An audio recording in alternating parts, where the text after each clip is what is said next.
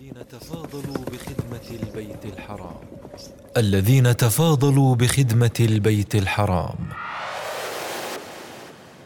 لما ذكر الله سبحانه أن المستحقين لعمارة المساجد هم المؤمنون بحق بين أن الإيمان والجهاد أعظم من عمارة المسجد الحرام وسقاية الحاج فقال عز وجل أجعلتم سقاية الحاج وعمارة وعمارة المسجد الحرام كمن آمن بالله واليوم الآخر كمن آمن بالله واليوم الآخر وجاهد في سبيل الله. لا يستوون عند الله والله لا يهدي القوم الظالمين.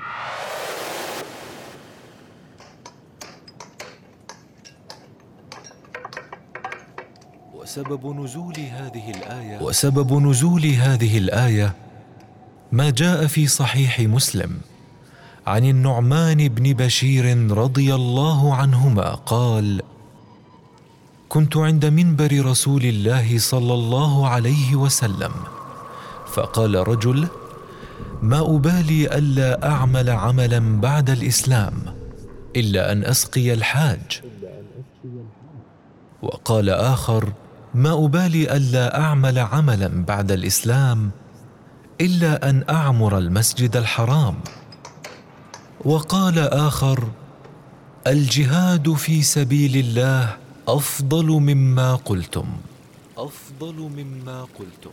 فاستفتى عمر رسول الله صلى الله عليه وسلم فأنزل الله أجعلتم سقاية الحاج وعمارة المسجد الحرام كمن آمن بالله واليوم الآخر وجاهد في سبيل الله وجاهد في سبيل الله لا يستوون عند الله والله لا يهدي القوم الظالمين والله لا يهدي القوم الظالمين.